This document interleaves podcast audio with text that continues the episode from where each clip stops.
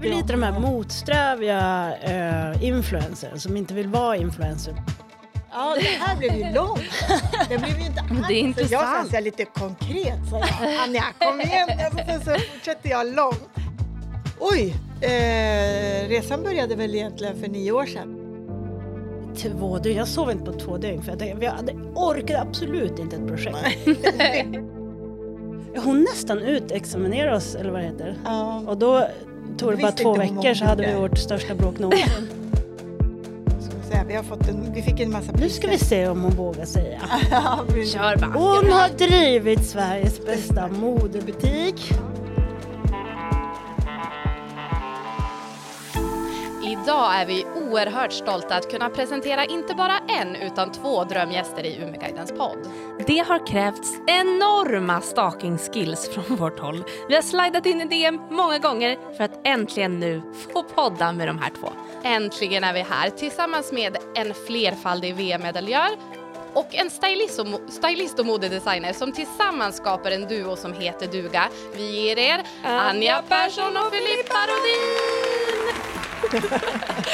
Välkomna till podden. Tack så Ja, det har jättemycket. varit en kämpe. Stalk, stalking på hög nivå. Eller vi har varit totalt omöjliga. Ja, men alltså, hur är det ens möjligt? Ja, vi skyller på lite pandemi. Ja, vi skyller på det. Sen gav ni oss fel adress hit. När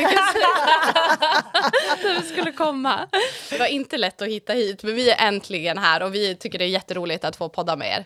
Jag tänker att vi har ju byggt upp förväntan på det här under typ ett års tid. Nu är det bara att leverera, Anja. Precis. Hur mår ni först och främst? Jo, men just nu är vi inne i eh, vårfasen. Att man liksom, nu, nu är det det här att man har lite dåligt tålamod med att man, man vill ha bort snön, man vill vara färdig med hus, man vill starta nya projekt. Ja, men det här som våren brukar alltid tillhöra. Ja, Så faktiskt. då man blir på dåligt humör ibland. alltså, det är så här, eh, vi, jag vet inte om det märks, men eh, vi gör ju mycket saker. Ja, Det men märks. det är ju precis så som du säger. Alltså, du, du lindar in det fint, men egentligen så är vi skitsura faktiskt. Typ, vad fan, nu kommer de här hit igen och vi har inte tid. nej, nej. Men ni kritiserar våren lite. Ni är inte såna här som alla som jag har träffat eh, som bor i Umeå som älskar vårvintern. Jo, det gör vi ju. Ja, älskar ju vårvintern och det är det det handlar om att man Ja, men dels, man vill liksom ha tydliga projekt så man kan vara tydligt ledig. Ja. Ehm, om man förstår vad det är. Vi, eh, vi jobbar ju Konstant. Ja, konstant. Så det blir ju liksom så här, uh, nu vill man vara färdig med vissa projekt så att man kan liksom vara ledig lite grann och sen starta de här nya projekten. Så, som sagt, som uh, vår parpsykolog säger, hur många saker till ska ni ha på listan? Vad representerar det här? Men för de som inte vet, vad, alltså förutom det här underbara liksom, drömbygget som vi sitter i, vad är det ni, ni sysslar med annars? Oj, vi gör ju... Det undrar våra barn så- också. Ja. Ja. De frågade, då så kom jag hem från skolan en dag och så sa mamma, vad jobbar ni med? För att, eh, och då så sa vi, ja det var en bra fråga, det kan vi inte ens själva förklara. Och vi gör Och de här, det är, ganska, det är inte två treåringar, liksom, de Nej. är lite äldre. Men ja, vi- men vi jobbar ju väldigt mycket med magen. Vi, vi går på känsla, på 100 procent det som vi, Vi är tycker väl lite om. de här motsträviga eh, influencers som inte vill vara influencer men ändå är och förstår att vi är det men samtidigt söker andra jobb och eh, lite mer djupare saker liksom, än att bara flacka iväg och resa runt och göra mycket saker på uppstuds. Så vi försöker väl hitta, som alla andra under pandemin här känner man gud man vill bara vara hemma. Um, men jag tror, både jag och Filippa vet att vi har så otroligt mycket att ge. Och då försöker vi väl leta oss till de saker som ger oss uh, en känsla av att vi, vi får ut mycket av det vi kan och gör. Och. Men alltså för att vara lite konkret, vad gör vi egentligen? Jo, vi jobbar, vi jobbar Är det så här med ni pratar ja, men det är så här vi håller på. Lite politikersvar. Ja, men vi jobbar ju med tv, tv-produktionen väldigt mycket där jag står oftast bakom kameran och jobbar med kläderna när Anja står framför kameran. Eh, vi, du föreläser. Jag har en hel del förfrågningar också på att föreläsa men jag eh, tänker inte göra det. Eh, utan jag håller på med ett jätteprojekt nu att skriva bok. Vad kul! Ja, eh, Är det biografi? Nej, ingen Nej. biografi, utan det har med att göra med ja, men hack your closet ungefär. Att man ska kunna ta tillvara på den garderoben som man faktiskt har. Lite hållbart så. Hållbart. Det är ju egentligen vårt ledord kan man väl säga, hållbart eh, har varit under en tid och har, har utvecklats mer och mer. Och det är också vårt stora projekt med huset, att förändra eh, byggindustrin och göra, eh, liksom leda hjulet åt rätt håll. Eftersom vi är förebilder så har vi en stor påverkan. Och det har vi verkligen märkt också med huset. Jättestor intresse kring hur vi just bygger och så där. Till och med kommunen har varit här och tittat på, tittat på vår modell. Hur man ska kunna göra ja, men förskolor, äldreomsorg och sånt där. Vilket eh, har varit en stor milstolpe för oss att de har varit här. Det är en bekräftelse. Så, ja, det är en bekräftelse. Och sen så har vi haft extremt mycket konstruktörer, arkitekter och sånt där också. Eh, och medialt intresse. Men men vad gör vi mer? Jo, men föreläser. Jättekortfattat. Ja, det här blev ju långt. Det blev ju inte alls. Det är intressant. Jag säga lite konkret, sa jag. Anja, kom igen. Alltså, sen så fortsätter jag långt. Nej, men vårt, vi äh, går ju under hållbarhetstecken. Och, men jag tror att det handlar mer om att vi känner som hållbarhet har blivit en så bred och stor fråga. Och det är ju kanske det som inför valet kommer vara en jättestor viktig del. Uh, Hoppas vi. Och, ja, precis. Mm. Och, men uh, jag tror vi försöker också se att det har blivit ganska mycket shaming kring att man gör fel och rätt. Alltså, typiskt svenskt, så här, pekpinne. Mm. Direkt någon gör, försöker göra någonting bra och sen så gör man någonting mindre bra och då fokuserar alla på det mindre bra. Och, så där. och då tänker vi att ja, men, här måste man ju vara med och liksom, våga gå ut och visa att ja, men vi gör det vi kan. Mm. Um, dels det här hållbarhetstecken med vårt hus som vi bygger. Det finns saker i huset som är mindre hållbara och sådär, men det, det, det jag tror man måste tänka på det är att man ska inspirera varandra till att göra någonting bättre. Och, Utvecklingen går framåt också. De saker som vi har misslyckats med att ha ett hållbart material i, då har vi gått lokalt och hyllat några lokala entreprenörer och försöker hitta det. Och liksom, så att man, ja, vi försöker göra att klockan går lite långsammare och att man tänker efter lite mer. Och mm. Det är väl ett ledtecken vi har i allt vi gör framöver. Uh, dels jag kommer jobba och inspirera människor mycket mer och försöka Ja, men jag ser ju på ungdomar hur de börjar må och, och ser under vad pandemin kommer göra inom idrotten. Det kommer vi att tappa över 30 procent på framförallt tjejer och så där. Så det finns väldigt mycket med eftertanke man måste ha framför oss och där tror jag att vi, vi båda två eh, försöker hitta liksom, ett hållbart levande. Ja, och ett en, en röd tråd hos oss själva som vi drivs av. Mm. Men just det idrottsbakgrunden som du har, är det någonting du jobbar med idag du berättade tidigare innan vi började podda att du till exempel tränar fotbollslag. Ja. Eh, är det någonting annat? Är föreläsningarna riktade mot in, eh, idrottshållet? Eller hur, hur ser idrotten ut i ditt liv idag? Ja, men jag håller mig ju rörlig. Ja. Annars så, ja, men man har ju sina små skador så att jag måste hålla mig i en viss form. Det är väl bra när man är 40 att man har en liten piska. Det är man ju tacksam för. uh, men jag blir ju också lite lätt på dåligt humör om jag inte har rört på mig under x antal dagar. Uh, men uh, jag är väl lite sådär försiktig med att satsa allt för mycket inom idrotten eftersom jag insåg när jag slutade att jag kunde slukas upp i det igen på samma sätt och vill väl ge familjen lite mer av min tid. Um, och den sport jag håller på med, då, om jag skulle vara tränare till exempel så skulle jag ju nästan aldrig vara hemma. Uh, men då försöker jag hålla mig till ungdomsidrotten här hemma och stötta våra barn i det. Och, det jag märker är, jag har fått extremt mycket kunskap kring ledarskap Eh, när det gäller de mjuka värdena, när det gäller mentala, att eh, ja, men, hitta balansen med att få de här ungdomarna att må bra i resultaten och misslyckanden framför allt. Och där lägger jag kanske mycket mitt fokus på som ledare att eh, tillåta barnen vara vara okej med sina misslyckanden och se att det, det gör ja, vi alla. Det är en stor bit idag. Alltså. Eh, de har ju de här sociala medierna och de har de här spelen. Ungdomar idag lever med att hela tiden få kickar och bra saker till sig, likes och allt vad det är. Så ett misslyckande för en idrottare i den åldern blir så mycket större. Mm. Eh, de blir helt plötsligt värdelösa människor bara för att de gjorde ett dåligt åk i slalombacken eller mm. misslyckade med skottet i fotbollen. Alltså, och där måste man få dem att förstå att liksom, det är inte så farligt. Att våga misslyckas, det är att testa sig fram och lära sig nya saker. Och, ja, men, hoppa ut i bäcken och se om du kommer över. Liksom. Mm. Alltså, vad händer? Det blir lite blöt, men Ja, de är också barn. Alltså så här, det, det här lekfulla liksom. Mm, och där tror jag att jag har en stor, eh, ja men en stor del hos mig som kommer jobba mer med. Mm. Hur var du själv som barn och med egna misslyckanden? Du, jag bara körde på. Mm. Alltså, misslyckas så analyserar jag det och så testar jag igen. Jag vägrar nog inte misslyckas. Alltså, om man ser till när jag då inte lyckades med att göra en serve i tennis så då matade jag på i tre, fyra dagar tills jag kunde den. Alltså, mm. jag levde... Gav aldrig upp? jag gav aldrig upp i någonting, nej. Mm. Men jag tror att det var stor skillnad också alltså, på dåtidens barn med nutidens. Därför att de, nutidens barn har inte samma tålamod. Nej. Utan, eh, och det är en stor eh, vad ska man säga, sorg eller brist eller vad man ska säga. Så det, det är man hör sig själv. för dem. Man hör sig själv klyschan när jag sitter och har en samling för pojkarna. Jag tränade sex år för att vinna ett OS-guld. Så de bara, va? Mm.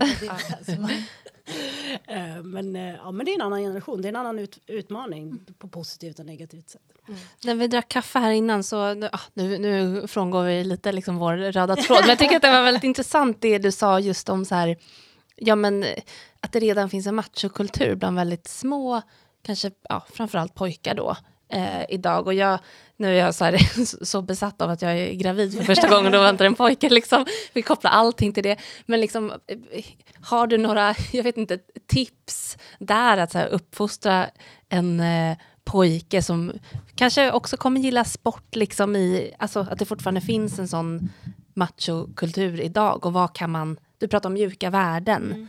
hur, hur tänker du där? Men man måste ju verkligen tillåta pojkar få vara allt det de vill vara. Vi har ju en sexåring som älskar glitter glitter och nagellack och smink och syrran. Hon blir tokig. 15-åring som ser sin sexåring bara ta en borste.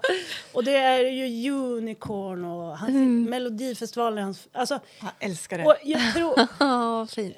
jag vet inte om... Alltså det är ju en, historiskt sett en rädsla att helt plötsligt är de homosexuella eller någonting. Alltså det finns någon sån grej kvar i. Men jag tror att man måste ju som tillåta pojkarna får, får vara det de vill vara och prata om det. Väldigt mycket prata om det. Mm. Jag tänker bara på en sak som slår mig nu när du säger det där med sexåringen. Och jag hade ju en klädbutik tidigare i, i stan Umeå och då eh, hade vi ju med glitterörhängen och mycket så här, strass och sånt. Och det var väldigt, väldigt vanligt att föräldrar kom in med sina just sexåringar pojkar. Och just den åldern är väldigt, alltså de blir väldigt fascinerade över glitter och mm. glamour. Märker man. Och då, och då var det så att många föräldrar som, nej, nej, nej, nej, nej, alltså ja, precis, man håller sina barn. Mm. Ja, precis, i just det där. Mm. Du sa det att det här är bara, alltså, kör bara. Mm. Ja men och vad händer om man begränsar, alltså det där blir också så mm. ska man lära sig som sexåring att så här, varför får inte jag ha det här härliga glittrande glam? Alltså, ja men det, det är så konstigt, det är klart man dras till glitter. Ja. Alltså, hur härligt är inte glitter och glamour? Alltså det är väl, det är väl inte könsbestämt att man ska Nej, tycka att det är vackert. Man har en snippa och då är det som en ja. magnet till liksom bara dras. Glitter ger mig mer glitter. Ja, men eh, det är bara att titta på Melodifestivalen med Tone. Alltså mm. vilka fantastiska äh, samtal vi har haft med våra barn barn. Oh, men det är ju en tjej med en mörk röst och, ja, men, mm. och så får prata om det. Och vi har faktiskt väldigt många barn i vår umgängeskrets som inte har bestämt sig om de ska vara tjej eller kille än. Och så där. Att jag tror att den nya generationen, om vi, ja. vi vuxna bara tillåter dem att vara precis ja alla tankar och tänka precis och mm. känna som de vill så kommer det ordna sig. Men, jag blir lite rörd. men jag tror att vi, alltså, som vår nioåring, där är en generation där man som vuxen måste hjälpa till lite grann. Mm. Men jag tror att de yngre kommer att bli bara bättre och bättre på det. herregud, vår 15-åring, hon är ju mer Alltså, politiskt korrekt. Politiskt korrekt än oss. Vet ni, uh. frågar bara, men har du någon pojkvän? Hon bara, Alltså, jag kan väl ha en flickvän också. så sitter vi där och säger ja, precis. Eh, någon händer eller? men, förstår, Fint man... att få lära sig från sina barn. Alltså. korkad man är. Alltså. men det är, det är ändå lite skönt att ni också kan liksom fela på vägen. Oh ja, vi gör det hela tiden. det, det är skönt att veta. Hörrni, vi har jättemycket att prata om idag, men vi, jag tänker att vi börjar någonstans och ta avstamp från platsen vi befinner oss på nu. Kan ni berätta lite? Det har varit en resa förstår jag, men varför sitter vi här? Oj, eh, resan började väl egentligen för nio år sedan när vi tittade på den här tomten och eh, var fullt inne i andra projekt så vi tog ett beslut om att vi inte skulle köpa den. Och sen för tre år sedan så var vi i ett helt annat läge. Du låg och surfade på Hemnet och sa men du, är inte det här den här tomten som vi var och tittade på för nio år sedan? Eller då var det ju sex år sedan. Eh, ja, och och gjort så åkte vi ut och kollade om det var det för den såg ganska annorlunda ut för den var helt igenvuxen. Och då slog vi till och köpte den. Och eh, Och jag hade ångest i två dygn. Jag sov inte på två dygn för jag, tänkte- jag hade, orkade absolut inte ett projekt. ett byggprojekt. Och jag vet det precis... här Härbret var ju helt Ja, hål i och jag vet precis hur Kaos. Filippa blir också när vi börjar här projekt. Alltså det är dygnet runt och all in och så här. Och jag bara låg och hade ångest. Och så bara så på natten bara... Men jag lovade dig, vi ska bara, vi ska bara renovera det Ja, här. vi bara och lovar guld och gröna skogar att vi skulle absolut och vi skulle leja bort allt. Ja. Vi skulle absolut inte Ja, det var du som sa att vi skulle Ja, leja men bort vi den. bara, nej, köper tjänsten av någon, engagera oss inte. Och så sitter vi här tre år senare och har jobbat dygnet runt. Ja. Och gjort till ett jätteprojekt. Ja, det blev lite större än vad vi faktiskt hade tänkt. För när vi väl hade bestämt oss för att vi skulle bygga hållbart, ja, men då ville vi också få ut det budskapet och visa på hur man kan bygga hållbart. För det tänkte jag, om vi ändå ska göra det, då måste vi ändå liksom ta, ta liksom, ja men, möjligheten att visa på att man kan bygga på annorlunda sätt än traditionellt sätt som inte alls är så miljövänligt eh, och framtidstänk. Liksom. Så att eh, vi startade ju en Youtube-kanal på det då också och så, sen så blev det ju en hel, ett helt produktionsbolag på det. Plus att eh, medieintresset har ju varit jättestort och det allmänna intresset har också varit eh, jättestort. Så att, och så sen så ska vi då sköta vårt vanliga jobb. Ja, det blev någon grej för mycket kanske. Upp och. Ja. Ja, ja, alltså, vi har ju omstrukturerat allt på samma gång. Det är bara, ja, men bara, helt plötsligt så inser vi att vi inte var så säkra med mejlen. Så byter vi hela mejlsystem. Nej, men det Allting här är varit kaos. klassisk Filippa och Anja-grej. Och så sen så just det här med nya material också, att man måste sätta sig in i det. Det är inte bara så att man kan bara bestämma, ja men vi bygger hållbart och så sen så kör vi. För att Nej. eftersom det är lite så här okänd mark och det händer så otroligt mycket så måste man också sätta sig in i det och titta på vad man faktiskt vill ha. Så att, ja, Ja, vart börjar man än? ja, börjar Googlar man så här hållbart byggande eller? Ja, men vi hade väl lite koll på grunden och stommen och så. Och Mm. sen så... Det som är fantastiskt bland hållbara material är att de känner ju så mycket för materialen själva. Så de tipsar gärna vidare till Mm. nästa och nästa grej. Och sen så när man väl börjar få lite hum och koll då börjar man ju liksom... Ja, men, ja, algoritmerna är ju fantastiska på ett sätt ibland. Helt plötsligt så dyker det upp någon, någon vattenreningsgrej och sådär. Så ja, nej men... Eh, jag tror att man kan visa på att vi visste inte speciellt mycket innan men nu sitter vi här med minst 70% bättre avtryck i naturen på ett hus. Liksom. Utan att ha vetat speciellt mycket. Och fult är det inte. Herregud. Det måste kännas värt det. Så här. Ni är inte riktigt i hamn. Nej. Men från liksom sex år sedan så har ni ju kommit otroligt. Ja, precis. Bygglov för ett år sedan. Mm. Det var så. Och sen har ni börjat bygga i september i, Mm. i förra året. Och så har vi ju misslyckats med målsättningen totalt. Ja, men många skjuter över då. Vi kommer inte skjuta. Men, men lite så här...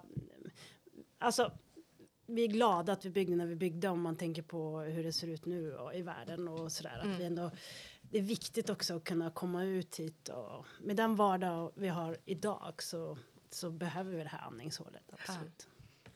Ja. ja, men det känns otroligt eh, harmoniskt att komma hit. Och så man bara får lämna vardagen. Och ehm, ja, men alltså det, man är som i sin lilla bubbla här ute. Och barnen, hur har de, eh, har de varit med på tåget hela tiden? Ja, de har varit peppade, fast inte så peppade på byggperioden för då ville de inte vara här. De tycker det var jobbigt. Eh, men nu så... Ja, men de är peppade. ju. Jag tror att de är ovanligt peppade ändå. För att vi har ändå varit ute här jämt och de är less att fara hit och städa en helg och lite sådär. Men, eh, Nu börjar de se vad de kommer få. ja, men lite så här. Jag tror att eh, ja, men 15-åringen börjar vara så här. "Ah, jag ska ha minst en vecka med mina kompisar här. Ni får vara här. Vi bara, eh, ursäkta? Vi kanske vill vara här tillsammans. En dag. Hon får, ta, hon får ta det här lilla huset och så, så får vi ta... Det går ju inte annars. Nej. Men, eh, jag tror att barnen vet också när vi är här så är vi närvarande med dem på ett annat sätt. Och det är inga kompisar som springer runt och sådär utan här är vi familjen och det trivs de med också. Så att det är positivt för dem. Så. Mm. Men om man ska försöka beskriva för dem som lyssnar. Eh, man kommer in i en jättefin entré och det, är ju, det som slår en är ju de stora ljusinsläppen, jättestora glaspartier, fönster och dörrar och allting. Vill ni berätta lite om hur, hur säger man stugan? Kommer vi kunna säga stuga? För är, ni ska inte bo här permanent.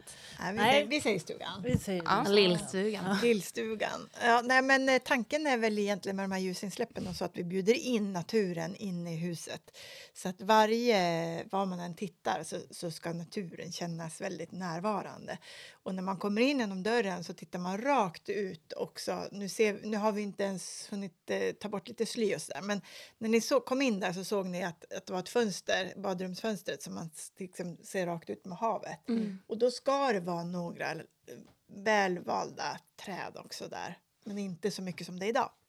Eh, I vardagsrummet så har vi ju som en tavla eh, på baksidan där med liksom, man ser skogen. Och vänder man sig åt andra hållet så är det ju ja, väldigt stora fönsterpartier och då är det ju havet och evigheten liksom ut Alltså, mot helt intet faktiskt. av horisonten. Men huset är ju ett eldhus och det är byggt också i årstiderna. Så att ehm, när man kommer in och går rakt fram till alla sovrum och så, det är ju den vintrigare delen där vi har mer bonat, det är lite tapeter, Tapeter. det är lägre tak, det ska vara varmt och skönt där. Eh, och sen åt andra hållet med stora köket och stora vardagsrummet så här i sommar och eh, där så ska ju all ljusinsläpp vara. Det ska också vara svårt att skilja på vad inne och ute. Det kommer bli, eh, ena takdelen kommer avslutas i glas så att man inte riktigt vet om man är inne och ute om man har dörrarna öppna. Så att allting är egentligen en tanke på att eh, man ska kunna känna av hela, hela årstiderna här eh, och liksom kunna uppleva naturen tillsammans. Att man liksom finns och vistas i huset på, beroende på vad det är för väder och känsla. Liksom. Mm. Utan att vara för insatt i just hållbart byggande och så, så är väl kanske det första man tänker när man befinner sig där vart vi befinner oss, på trä. Och det är ju mycket trä, det är plywoodväggar och allting. Vill ni berätta lite om liksom materialval kopplat till hållbarhetstänket? Alltså vårt hus har ingen plast i sig överhuvudtaget. Eh, ja, det, kablarna, det är det som är, men de är återvunnen plast i, i så. så att, eh, sen så är det inte någon, vi har ingen cementplatta eller betongplatta utan vi har ett, en svensk innovation som är vispat återvunnet glas som är otroligt mycket mer isolering, den är helt naturlig mot skadedjur, den är eh, mycket mer hållfast egentligen än en vanlig betongplatta. Den går att, hela vårt hus går att demontera och liksom flytta till en annan plats om 50 år om man vill det. Eh, för att allting är liksom byggt i block egentligen. Eh, och sen så är det då eh, väggarna, eller stommen är ju trä och eh, är producerad i Östersund. Hela, hela tanken med huset är också att det ska i så lång utsträckning som det bara går använda svenska företag. Ehm, så att, så att eh, de stora bitarna är ju svenska innovationer. Det är plattan som är från, Öst, eller från Sundsvall och eh, stommen som är från Östersund. Och där är det eh, helt i trä, så att det man använt, och det är ju så med, med isolering så är det ju så, det är inget Einstein att man använder luft för att isolera. Så stommen är liksom utfräst luftfickor som är isoleringen i själva. Men, eh, och med det så behövs det, den är så söt den där hunden.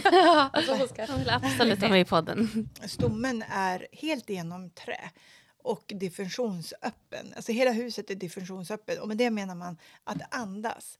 Så att, till exempel så får vi en vattenläcka och så, så behöver man, då, då behöver vi faktiskt inte vara så himla oroliga utan den kommer andas ut fukten låter eftersom vi inte har någon otroligt. plast som Ja, stänger in oss. Annars tänker man att trä, det är bara... Ja, precis. Och våran platta den, den suger, kan inte suga fukt. Vilket en betongplatta gör. Kan göra. Men jag tänker, eh, är de här mm, mer hållbara materialen, är de mycket dyrare än att bara slänga in något plast som man inte vet vad det är?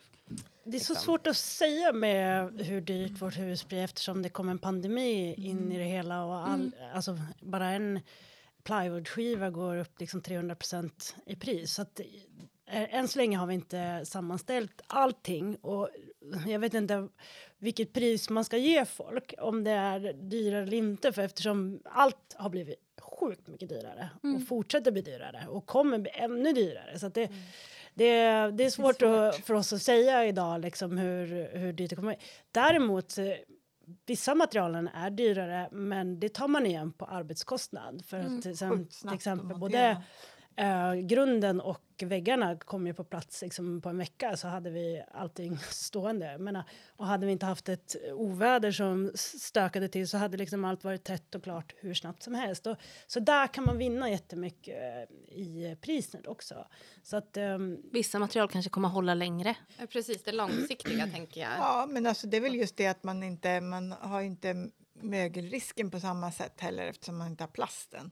Eh, Men det är ju, jag tror att man kan inte heller bara diskutera pris och se, för att du kommer alltid kunna hitta billigare. Det är bara att titta på, jag menar, ska vi, ska vi ha ett eh, centrum som är helt dött, ja, då kan vi ju bara köpa på nätet, för det är ofta billigare. Och så här. Eller vill vi ha en personlig touch i en butik, eh, gå in och, och få någon, liksom, jag tror vi måste akta oss för att prata priser alla gånger och vi måste ha en bättre tanke på vad känsla är och vad som man mår bra av.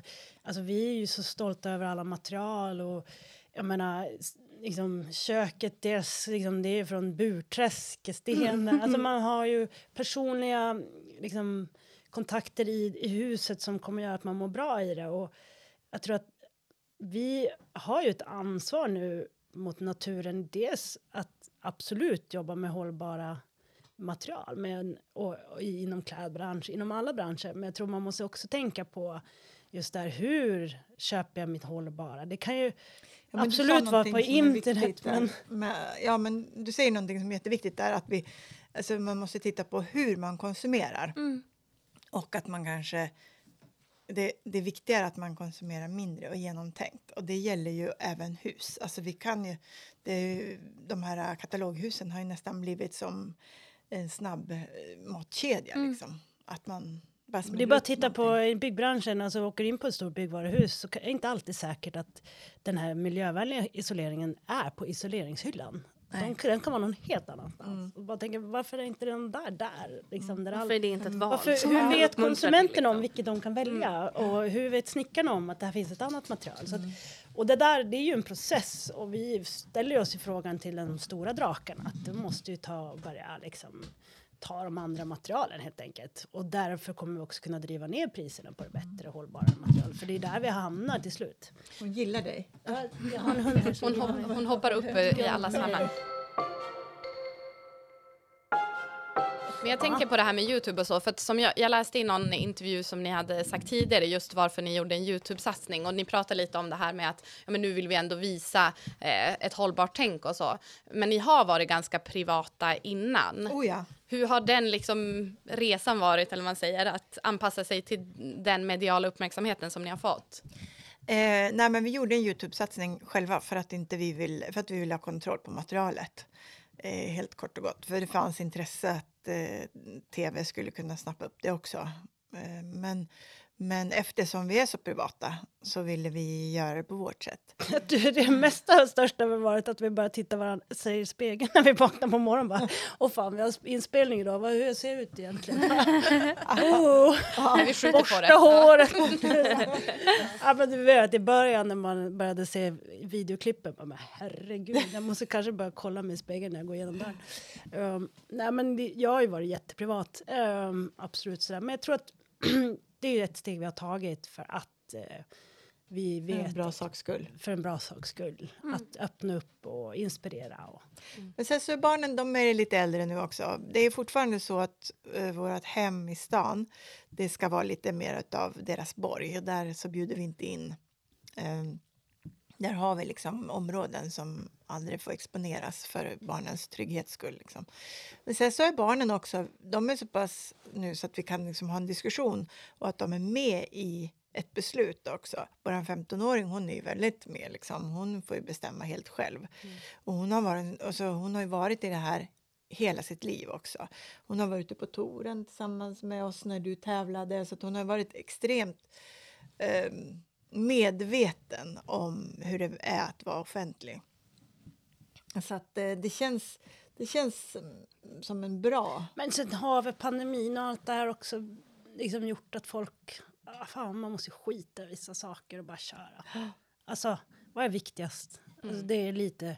Förut kanske man liksom höll igen lite grann och var man nere i ankdammen och spelade ett spel liksom, eh, för vissa saker, att man ska positionera sig och allt vad det nu kan vara. Och jag tror att vi har mer och mer blivit trygga med att, alltså, och det tror jag folk uppskattar med oss, att det får vara lite skit i hörnen och det är osminkat och det är det det är liksom. Och där tror jag att vi har en viktig roll och vi känner att vi, ja men det är stolta över att vi försöker ha det så mycket som möjligt och Eh, men det är verkligen, man väljer ju vissa bilder på Instagram än andra, men, men, men vi försöker ändå. Det är väl supermänskligt. man försöker väl vara inte den. alltså, på något sätt så är det så här, det ser så förjävligt ut på, på Youtube ibland, så någonstans kan man väl ändå hålla skenet uppe. men så, ja, alltså, så himla skönt ändå att ni har fått så mycket positivt gensvar, alltså när man ändå går in och, och om man kanske riskerar någonting och känner så här, det här är någonting nytt, kommer det vara värt det? Och mm. att ni ändå har fått så mycket. Mm. Ja, men hur har responsen alltså, sett ut? Ja, det har ju varit helt galet. Om man tittar medialt så har det mm. varit super. Och det kommer ju fortsätta. Liksom. Nu är det ju... Ja, men hittills har det varit eh, magasin och tidningar och sånt där. Men nu kommer väl inredningen säkert också. Och vi har ju som tanke också på att vi ska titta på hur inredningsindustrin ser ut. För den är ju Oh, det är mycket det slit och släng. mycket att mm. göra där. Mm. Ja. ja, för det är jag jättenyfiken på nu när vi har fått se liksom, eh, skalet och det färdiga på insidan. Hur tänker ni kring inredning och hur tar man vidare det hållbara i det? Jag tycker att det är otroligt sorgligt att det bara finns i stort sett ett stort företag i Sverige som gör soffor som är giftfria och helt hållbara. Eh, man vill inte veta vad det är i de där sofforna faktiskt. Eh, det är så illa alltså? Sina barn sitter i, eller madrasser mm. och sådär. Eh, så att det, det finns eh, jätte, jättemycket. Vi, och där, sen är det med den sortens media som vi jobbar med då, med Youtube-kanalen, det är ju någonting som vi precis nystartat och känner oss fram. Vi har ett produktionsbolag med en producent och vi försöker hitta liksom rätt ton i det så att vi försöker bemöta publiken och vi tillsammans gör en resa att vi hittar en liksom känsla som folk vill ha och det, det innehåll de vill ha. Det är inte alltid lätt och jag kommer ju dels från en ganska producerad eh, tv-bransch och Um, ja, men just det här att släppa garden i att vara lite mera uppstuds på Youtube. Uh, men jag tror när vi kommer till inredning här så finns det ju ett uh, gediget utbud uh, och konsumtion. Uh, och där ska vi väl försöka hitta en balansgång med att hitta en röd tråd som är hållbar men också inspirerande. Och, mm. Men också visa på kanske att det inte är så himla bra saker i, mm. i vissa grejer. Men jag tror vi måste göra en egen soffa. Ja. Är en egen soffa? Jag tror det. Ja. men jag tänker det, att ni har ju, alltså med de material ni använt i huset, om man pratar i väggar och tak och sånt, så har ni ju ändå byggt en del platsbyggt. Sängar mm. exempelvis. Är det någonting som kommer fortsätta? Jag tänker bord och sånt kan man ju också snickra ihop, tänker ja, jag. Bra. bord ska vi göra faktiskt. Ja. Vi har tagit tillvara på planket Golvet som, som jag sitter på nu, höll på att säga. Mm. Det gamla golvet som ganska mycket var dåligt kunde vi ändå spara några plankor och de ska vi ha bord av. Kul. Mm. Gud vad fett. Man tänk, eller jag tänker så här första steget, bara, men köp en second hand soffa, så mm. då är det klart. Men det, det, finns ju mer att tänka på där hör jag. Ja, ja men det är ett bra val. Mm. Att eh, ta det, liksom att man köper en, en begagnad soffa. Men det kanske är så att man inte vill ha, man kanske vill ha en, ett, ett annat uttryck på soffan än just mm. den som är på second hand. Och då tycker jag att det är otroligt sorgligt att utbudet inte är större idag än vad det är. Och samtidigt också eh, är det ju dyrt. Mm. Väldigt dyrt om man ska köpa den där soffan på Norrgavel. Um, alltså, ja, nu är vi där i konsumtionstankarna igen, mm. liksom, vad man ska satsa. Men, men helt krast så ska om man ska vara ärlig så är det ju inte alla som har råd att gå och köpa en Norrgavelsoffa. Nej, precis. Men jag tror att, alltså, om man ska, ta, om man ska tipsa folk i konsumtion så det absolut bästa tipset när du står och ska köpa en sak, fundera på om det blir, när du har använt den, om det är skräp eller mm. går att göra om eller återvinna eller ge bort. Eller, alltså att det har ett liv efter din konsumtion med den produkten. Har den det, då kan det vara värt att satsa på. Men har den inte det, att du inser att det här måste slängas, ja då kanske man inte ska köpa den. Eller tänka efter och göra någonting annat. Det är där vi... Ja, men jag tror man kommer väldigt, väldigt långt om man tänker så. Ja, men det är ju just det. att Man, liksom, man, man får tänka ett steg till. Eh, och inte bara liksom tänka utifrån vad man själv vill ha för stunden. Jag tänker på det att eh, när ni bygger så här härligt vid havet och allting, var det aldrig någon tanke att så här, bosätta sig här permanent? Nej, alltså inte med Vi är inte logistik- pensionärer. om man tänker på Gud, det den där ska här... jag ta med till min kille. Vi är inte pensionärer. Vi behöver inte bo mitt ute ingenstans. Alltså, om man tittar på medelåldern i den vik vi är i nu så, så har vi... så skänk- skänker vi snittet. Ja, snittet sjunker ordentligt om vi flyttar hit. Eh, nej, men eh, vi behöver ett andningshål och sen behöver vi puls också. Så att, och vi bor superbra inne i stan. Ungarna går två kvarter till skolan. Då vi har mataffär, vi har skogen nära, vi har allting väldigt, väldigt nära. Så att, eh, och vi har jättebra grannar och vi trivs bra. Ja. Nej, men då, då förstår jag att det här blir... Ni pratar lite om att mycket jobb kommer ske här ute också. Ja, men jag tror att det kommer vara ett bra ställe, inspirerande ställe att eh, jobba på. Och speciellt med de projekt som vi har framför oss också så, så kommer det liksom vara lugn och ro och eh, bra för tankeverksamheten. Det ska vara Instagram-skönt i varenda vrå. Och vi ska vara jättesnygga hela Vi ska... det, nu förändras bilden på oss. Man, ni har en så här mål, målbild när ni går med ett glas vin och är superfixade i någon snygg Ja, men- klänning. Ja. Konstant Charlotte Perrelli, Ja. överallt. Där bullarna ska bakas, Ja. pizza, det ska... Nej, ska vara Ska vara stilleben och vackra grejer. Och så högklackat hela tiden. en, en bostadsannons ska det se ut som. Ungefär hela tiden. Har ni, hur ser det ut framöver då? För att ni, vi ser ju uppenbarligen att det är en del grejer att göra. Mm. Vad, vad händer härnäst? Ja, men nu är det väl bara små fix inomhus för att kunna riva pappen och städa Ja, ur och börja flytta in och sådär. Eh, och Så det är en sen, stor grej är ju att murstocken måste ju bli färdig. det är dammigt. Det är dammigt. Precis. Alltså det gör, spelar som inte så stor roll om vi städar för nästa dag så är det extremt eh, skitigt igen. Liksom. Sen är väl vår största besvikelse att vi inte hann färdigt ute eh, innan höstas. vi började inne. Eh, men det, ja, det fick vi ha en sorgvecka i höstas. Och sen så, men Men samtidigt, det är det som har gjort att det har dragit ut på tiden också lite grann. Fast det- jag det tänker ändå att vi är positiva för att nu kommer vi ha lite paus från bygget ett tag eh, och sen när snön är borta då kommer vi bara ute igen och då har vi lite energi kanske och då är vi lite... ja, men man vet aldrig med oss. Vi kanske har börjat ett tredje projekt eller ett fjärde. Men då tänker jag att vi kanske är lite mer noggrann med detaljerna ute. För jag kan tänka mig, hade vi gjort det i höstas, då hade vi bara shit, om två dagar snöar det. Vi måste bli klara med det där. Och så är man, tjopp tjopp så har man dragit igång någonting och sen blir det inte lika noggrant. Så att jag, det är det jag tänker, att ja, men det blir bättre nu framöver. Ja, men det är bra. Det är bra inställning. Vad Alltså sån är jag, jag vänder alltid allt negativt till någonting Det är positivt. väl en otrolig Etapp egenskap. två så kör vi igång i maj. Ja. Och vad kommer hända utomhus? Eh, Då blir poolen och Trallen. trallen. Eh, Sen och- är det massa Ja, det är arkitektdetaljer runt huset. Allt det roliga. Mm, Ja, det är ja, mycket. Lullet. Ja, Det är lullet. Ja, allt är kul i och för sig. Inledningen är ju rolig. Mm. Våra vänner vet inte om att de ska skruva massa trall. Mm. Det har inte de koll på än. Det är ju... Så här ambush, bara, "Ja, men ska ni komma och kolla på huset? Vänta bara, här har ni Vi tre skruvar. Ja. Ja, men och då får, alltså belöningen som de får i- i- liksom, genom att hänga här sen. Ja, precis. Det är lite ju- vin och lite sånt där. Ja. Doppa fötterna i poolen. Ah, Ja. Alltså, det, när man kollar ut då med de här stora fönstren och så ser man den här fina viken och sen blir det också en pool. Det är ju, var det en självklarhet? ja. Bara, Därför att vi har ju, eh, du har velat ha pool, du har bestämt dig för att du ska ha pool. Inne i stan så har vi funderat på om vi ska ha pool, men då så kände vi att vi vill inte vara de där badvakterna hela somrarna. Så då så, så uteslöt vi det, men då sa vi när, när vi bygger vårt sommarhus, då ska vi ha pool. Då blev det så. Men det är ju också, poolen är ju som studsmattan för barnen. Alltså, Studsmattan är din bästa barnvakt och nu kommer också poolen vara vår bästa barnvakt. Och du menar att vi kommer kunna checka ut nu? typ.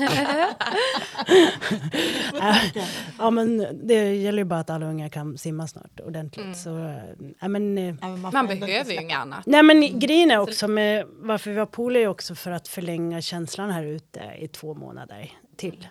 Ja, det är ju inte alltid jättevarmt i havet. Nej, och, det, och sen med algblomning och vi har en, ett atopiskt barn som är väldigt känslig för eh, vissa saker så han kan inte bada jämt. Eh, och så, där. så nu kommer vi kunna kontrollera mm, liksom, ganska mycket där kring. Ja, det är min största dröm. Jag älskar att bada. Badar ni själva också eller bara ungarna? Ja. Det gör vi. Jag badar mindre. Ja, Men du fick också lära dig att simma på land. Så. ja men typ. Isvak hemma. Ja, gud ja. ja. Filippa, vad tänker du på? Det finns så mycket. man- Ja, men jag tänker apropå era kids. Ni har tre kids, två gemensamma. Eh, hur har det liksom funkat att genomgå det här stora, stora, stora projektet eh, som husbygge och samtidigt bolla alltså ett familjeliv? Vi var inne lite på det. Ja, men det är ju svårt. Men alltså, familjelivet är ju svårt. Att det är otroligt slitsamma år. Det ska man inte sticka under stolen med. Det är väl ingen som går liksom helt eh, som en dans genom den perioden. Men alltså, Och sen vi valde vi att göra när de är 6, Ja. 9 och 15. Det är som så här, först tonåringen och sen så 9 år och 6 år. 9 och 6, när du nu får barn så Mm. finns det vissa åldrar man kan spola fram lite. Inte alla saker som, men samtidigt det är ju en del i det. som men man, det är tjusning i det också. men det är tjusning. Men när man väl står mitt i det, kanske inte om man har ett husbygge. och Väldigt som bara, diplomatiskt. så ser de så här, slänger igen dörrar och det skriks och så man känner bara okej, ja då har vi inte tid med det här just nu. Men vi skulle väl kanske inte ha klarat utan din kompis Nej, men vi hade en bra... ehm, liksom, min bästa kompis eh, Micke, han, han jobbar ju på folkhögskola och digitalt nu jättemycket. Så att han har ju Han är din kunnat... gamla tränare också. Min gamla tränare och eh, han har kunnat... Han, barnen älskar honom, så eh, han har kunnat hjälpa oss att avlasta jättemycket. Och så när vi har legat här ute och kämpat i någon sågspån eller någonting så har han kunnat ta barnen och sen på eftermiddagskvällarna när vi är trötta har han gjort aktiviteter med dem och sådär. Så att Vilken Det- toppen person. det, det gjorde vi en bra beslut att han kom in och stöttade upp. Men jag tänker just på det här att du, du och din sambo står ju kanske inför valet eller kvalet att ja, men, köpa någonting eller flytta eller ja, hela den där grejen. Och renovering och, och sånt brukar ju, man brukar ju slänga lite med begrepp som skilsmässa och sånt, att det tär. Hur har, hur har ni liksom lyckats hålla er relation vid liv så att säga? För jag kan tänka att det är inte alltid en dans på röda rosor att göra ett sånt här stort projekt. Nej, men vad är det? Jens, Jens Byggmark, min gamla klubbkompis, han har ju en Youtube-kanal där de, han, Mikael har, är det skilsmässa eller inte? Vägen mot skilsmässa. Eh, och statistik, han berättar, han har kollat upp det där, statistiken är inte vacker alltså. Det är så. Det är inte bara... genom liksom, vadå, renovering? Ja, renovering och byggprojekt. Liksom. Men, men vi har ju varit tillsammans extremt länge och eh, Extremt länge men så, det är ju 14 år. Ja, men alltså, Det är det, väl finns ju ändå de som har varit gifta i Ja, 55, i och för 60. sig. Men, nej, men, eh, nej, men vi är ju ganska öppna med om vi har en dålig period eller inte. Och eh, vi var väl väl medvetna om att det här kommer att tära på oss som par. Alltså, vi har gjort grundjobbet. Vi går ju hos, eller nu, just nu gör vi inte Vi det. pausar Vi har efter några Parterapi. Älskar parterapi. det. Innan har vi gjort det. Så att vi har ju verkligen gjort eh, grundjobbet. Grundjobbet. Hon nästan utexaminerade oss, eller vad det heter. Ja. Och då tog det bara två veckor så hade vi vårt största bråk någonsin. det var som så här, nu jävlar. slappnar av och bara, vi kan det här. Ja, precis. Det var ungefär så. Sen gick det typ två veckor och vi kom tillbaka och bara... Men alltså jag tror så här, eh, man har en väldigt eh, Instagram-skön bild på förhållanden och att det aldrig skulle vara dåligt. Alltså, det finns inte ett enda förhållande där det är bara rosenrött. Utan, och när man bygger så är det skitjobbigt och tärande många gånger. Liksom. Vad är det som är tärande? Ja, men det är beslut, man är trött, man jobbar, man... Alltså det är så mycket som rör sig i huvudet. Och, det ska liksom, och speciellt som vi också som har varit otroligt delaktiga i vårt bygge så ska vi vara på plats, det är tid och så, ja, men det här med logistik med barnen, vem ska göra vad, vad och så, sen så utöver det så har vi vårt vanliga jobb. Alltså, det är, på, är någonting som pockar på hela tiden. Och så de här valen är nog kanske, eh, det upplever ju folk, nu tycker inte jag att de har varit jätte jättejobbiga i det här fallet för att det, vi har liksom, vi har smalnat av det till en, ett visst eh, spår, liksom, att det ska vara hållbart. Så då är det väl lättare. Men, men folk, upplever, folk som bygger upplever ju alla de här valen. Alltså du har liksom 200 golvsorter. Vilket vill du ha? Du måste bestämma Men det är dig på två timmar. 4 för nu så 000 val eller någonting. Ja, 4 000 val innan det är klart. Men, men jag tror så här, alltså du säger någonting, du har sagt någonting någon, i någon intervju någon gång som jag tyckte var väldigt bra. Det är ju det här, man måste acceptera att man drar upp rullgardinen och drar ner rullgardinen. Och det är lite så här, ja men det är bildligt väldigt bra eh, att det, det är liksom, lägg inte någon vikt vid att det är skit. För det, vi, vi, vi liksom gör jobbet, drar upp och drar ner, gör, går och jobbar, liksom borrar ner huvudet och så, sen så får man liksom ta förhållandet. Men vi vet ju, vi är trygga med varandra, vi vet ju att vi hittar ju tillbaka till varandra. Förut. Vad- Men vi har grunden bra. Avslutningsvis, vad har ni, alltså om man tänker framåt lite i tiden, vad ser ni fram emot med den här platsen? Ja, men det är ju här vi ska känna att vi har tid och jag tror att det här också vår, ja, men med Flippa med hennes bok, eh, att det finns inspiration till det. Vi ser väl liksom, det här huset är ju också en tanke på att vi ska kunna hitta Ja, men man drömmer om liksom så här, eh, varför inte väldigt opretentiöst liksom, sitta ner, bjuda in gäster, man snackar, man sätter upp en kamera, man pratar om viktiga saker. Eh, vi pratade med Stina Wolter och sa det, men du ska inte komma och prata. De, där, du vet de här samtal man har efter två glas vin. Hon bara, ja jag kommer, kommer. så man, verkligen, man märker att, jag tror att pandemin också gjort att folk orkar inte med något bullshit längre. Man vill liksom ha de där riktiga snacken och inte hålla på. Och skulle politikerna fortsätta med det inför det här valet så kommer folk bara vilja gräva ner sig och tänka gud, ska vi aldrig få ett slut på det här? Och jag tror att vi, så vi inspireras över att liksom, det här huset ska både inspirera oss som par, som familj, men också i vårt jobb. Um, Gud vad vi har satt väldigt mycket press på det här huset. nu jävlar, nu ska vi leva ut. Men den här Youtube-kanalen, kommer den kunna liksom kanalisera och bli någonting annat? Absolut. Det är ju det som är spännande med, dag, med dagens media. Det är inte så självklart längre att de här stora produktionsbolagen, ja, men det är bara att titta på vilka som vann Kristallen med Jocke och Jonna och sådär. Att vi håller på att förändras och tyvärr kanske det börjar bli de här stora drakarna utomlands ifrån har börjat köpa väldigt mycket svenskproducerat och sådär och att det styrs lite annorlunda. Men jag tror också att det finns en publik som Lite mer konsumentmakt typ. Ja, och jag, vi väljer ju vad vi vill se på och vi väljer ganska tydligt om vi tycker att det är äkta eller inte. Och jag tror att väldigt många människor längtar efter mer äkthet i, i det vi gör. Att det inte är så producerat och klippt. Och, och så där, ja, om vi ska orka det eller inte, det vet jag inte. Vi ska först bygga färdigt ett hus. Men det känns eh, som sagt alltid uppstuds för oss. Och skulle någon ge oss en bra idé så, så brukar det sällan bli nej. Jag. Tiden får utvisa om det blir de här panelsamtalen inne i huset eller vad det blir. Eller om parterapeuten säger Ja. att ni har adderat ytterligare en sak på listan. Det kanske blir parterapi härifrån med er psykolog. Vem Bra vet? idé. Ja, men jag blir ändå Tanken lite slog mig faktiskt, peppad. hon sa det. Exakt samma som du sa. Jo! Ni, sitter, och- ni liksom vänder på det, ni tar ett glas vin med psykologen Ja, och ser ja, vad händer med det, Ja. parterapin Ja, efter ett men glas det kan vin. ju vara skitkul. Kör i poolen. Ja, precis. Men hörni, ni, om man vill hitta er på alla sociala medier och så, var ska man berätta vart man hittar er och berätta om boken, planen där. Ja, men vi får börja med boken då. Det är ju... eh, Ja, men jag har ju drivit en av Sveriges... eh, Ja, vad ska man säga? Vi, har fått en, vi fick en massa priser. Nu ska vi se om hon vågar säga. Ja. Kör va. Hon har drivit Sveriges bästa modebutik. Ja, men det har jag gjort faktiskt. Snyggt. under, under tio år. Sen så steg jag av det tåget. Men, ehm, och jag har extremt mycket erfarenhet av kvinnor och kvinnors kroppar och vad vi, hur vi ser oss själva och hur negativt vi ser oss själva också. Och den klassiska frågan, jag har, står man framför sin garderob och säger jag har ingenting att ha på mig. Det är ju, så är det ju liksom för de flesta. Även för oss.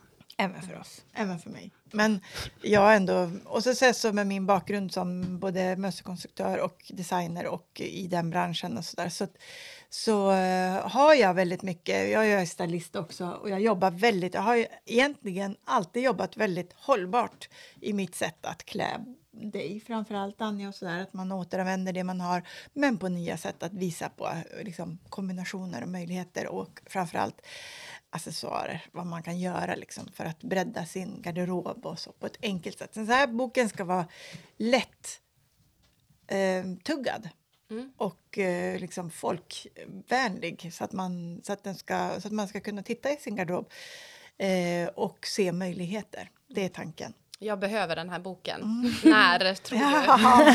oh my god. ja, men vi måste först bli färdiga med huset. Ja. Sen men sen kommer du ha en väldigt bra plats att skriva på. Ja, exakt. Ja. Så är det. Men, och sen så hittar vi oss på våra namn på Instagram. Det är väl mest Instagram som är, vi är så. Ja, på våra namn på Youtube. Ja, på, och så, sen så är det Anja Filippas hållbara hus. Mm. Drömhus. Ja, men det är väl lite sådär, vi är väl i det där läget att vi kan göra vad som helst. Uh, men vad är det? Mm. Det finns så mycket. Det finns så mycket roligt. Ju. Och det är lite så här, ja men med mig, folk vill att jag ska lägga ut massa träningsfilmer och grejer. Ja, vill jag det? Eller, ja det är kul. Jag, eller, ja, och så håller man på sådär. Um, så att, eh, men jag tror att det är väldigt många som är i den, den situationen som uh. vi, att man har haft en karriär, man har gjort någonting extremt bra. Sen har man haft lite familjeliv och så här, och nu är man sugen på att göra något nytt. Mm. Men man har ju inte sugen på att hund, göra de där hundåren som man gjorde för att lyckas förra gången. Är såklart. Nu vill man ju liksom satsa på det rätta kortet. ja. Vi är lite i det läget, bara, ah, vad ska vi satsa Men jag tror så här, en stor del av oss, det är ändå att vi har ganska mycket rädsla för att det, att det ska bli fel. Liksom. Eh, vårt nya Anja och Filippa, det är att vi ska vara mer orädda och bara köra. Vi måste ses om ett år igen och se vad det här har tagit er. Ja, det behöver inte ha tagit oss någonstans. jo. Nej. Man vet inte. Alltså, man säger så här, 2022 ska vi ta det väldigt, väldigt lugnt, inte jobba speciellt mycket och bara satsa på rätt kort. Eh, än så länge har vi jobbat skitmycket. vi satsade inte på rätt kort. Och jag tror att eh, när ni träff- om ni träffar oss i maj så kommer det fortfarande se ut att vara skitmycket. Och sen så kommer vi ha panik över hösten så vi bara bokar in hur mycket som helst. eh, men ja, vi skyndar långsamt. Nej. Nej. Nej. Nej, men eh, alla som känner oss vet att det är uppstuds och eh, det brukar sällan bli fel, utan det blir ofta bra i slutet. Det tar en ju i alla fall till nya beslut. Man är ja. såhär, det där vill vi inte, då kör vi på något annat. Och, det är det som är lite När det blir fel så säger vi att vi har haft en brant inlärningskurva. Exakt. Ah, det, det ska jag ta med mig. Ja, toppen. Hörni, ni, tack snälla att vi fick komma hem till er och att vi fick podda med er och lycka till med resten av projektet och allt annat ni ska göra. Ja, kom tillbaka om ett år då. Ja, ja. det bestämmer vi. Vi går runt här i högklackar allihopa och ja, på lite vin. Fast jag kommer ju bära på en liten bebis. Ja, men det är det är ju en schysst... Ja. Det är det som... Då har vi snygga accessoarer. också kan vara barnvakt. Ja, toppen. Vi bokar in det. Tack snälla Anja och Filippa. Tack så mycket. Tack. Tack som fan för att du har lyssnat på Umeåguidens podd. Och glöm inte att följa oss på sociala medier. Det heter vi Umeåguiden utan H och med A. Och där kan man ju skicka en liten hälsning om man vill. Vi hörs på våra sociala medier. Det gör vi. Puss och kram. But I'm not gonna wake up, wake up. I'm not ready, let me have another day. Don't wake up, wake up. Keep it steady, cause I'm happy. I'm not gonna wake up. No, no, not